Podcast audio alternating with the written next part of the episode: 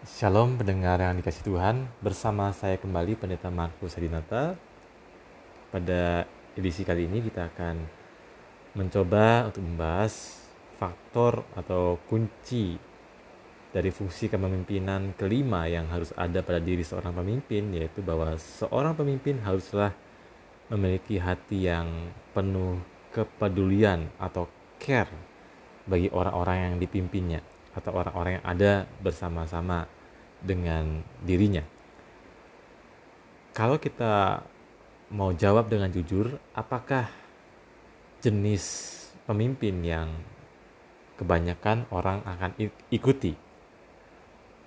Orang yang pertama orang biasanya akan mengikuti pemimpin yang tahu ke mana mereka pergi atau dengan bahasa lain pemimpin yang punya visi yang jelas.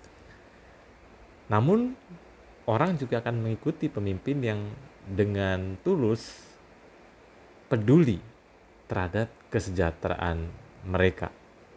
Itu sebabnya ketika sedang musim menjelang kampanye, ketika para calon-calon dari pejabat yang yang berkampanye dia sering kali menawarkan program-program yang menjanjikan kesejahteraan bagi orang-orang yang memilih diri mereka.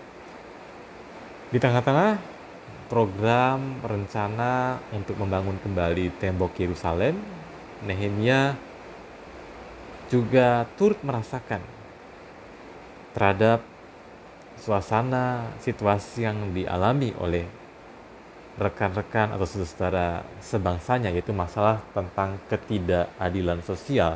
Ini kita bisa membaca di ayat di pasal 5, Nehemia pasal 5 di mana Nehemia memberikan telinganya untuk memerhatikan keluhan-keluhan sesama orang Yahudi di mana mereka ada yang mengalami kelaparan, mereka sudah lagi tidak punya tanah sebab tanah mereka sudah digadaikan untuk dapat ditukar dengan gandum pada musim kelaparan. Dan bagaimana mereka berteriak mereka mengalami penindasan juga ketika pajak yang harus dibayarkan itu begitu memberatkan mereka. Sementara mereka membiarkan anak-anak lelaki dan anak-anak perempuan mereka menjadi budak. Dan mereka tidak bisa berbuat apa-apa sebab ladang mereka kebun anggur mereka sudah ada di tangan orang lain. Ketika mendengarkan keluhan dari sesama rekan-rekan saudara-saudara sebangsanya, Nehemia menjadi sangat marah ketika melihat praktek ketidakadilan sosial yang dilakukan oleh bukan oleh penjajah tetapi justru oleh saudara-saudara sebangsa mereka sendiri.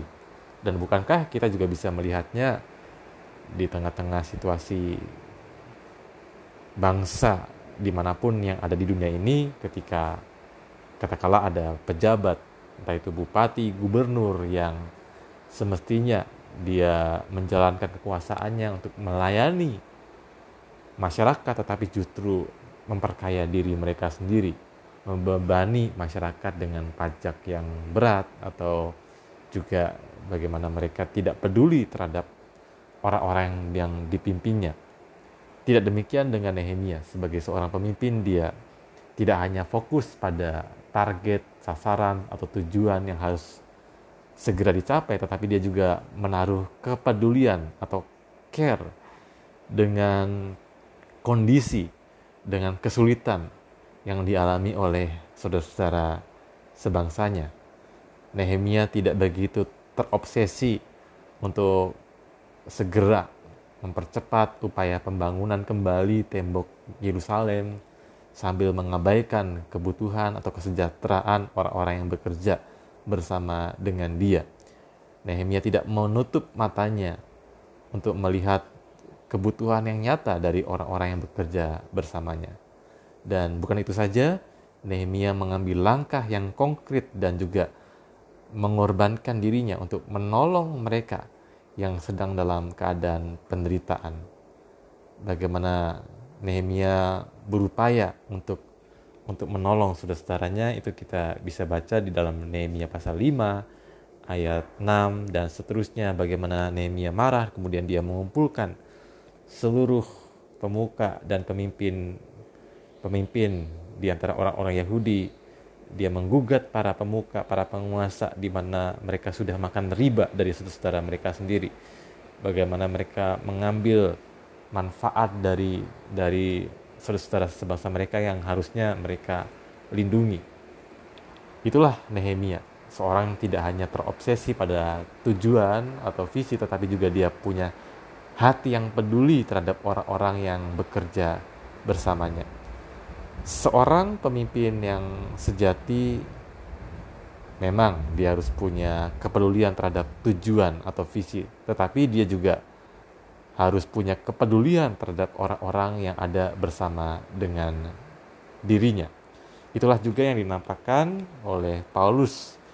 Bagaimana selain dia fokus pada misinya, tetapi dia juga mengasihi, dia peduli terhadap orang-orang yang yang ada bersamanya. Itu kita bisa baca dalam 2 Korintus pasal 2 ayat 4 di mana Paulus menuliskan demikian, "Aku menulis kepada kamu dengan hati yang sangat cemas dan sesak dan dengan mencucurkan banyak air mata. Bukan supaya kamu bersedih hati, tetapi supaya kamu tahu betapa besarnya kasihku kepada kamu semua. Jadi, seseorang pemimpin tidak hanya menjadi orang yang task oriented atau berorientasi pada tugas. Memang tugas harus dikerjakan dengan tuntas, tapi orientasi seorang pemimpin yang sejati bukan sekedar pada tugas atau job atau pekerjaan yang harus diselesaikan, tetapi juga dia punya orientasi pada manusia, pada kebutuhan, pada kesejahteraan orang-orang yang yang bekerja bersama dengan dirinya.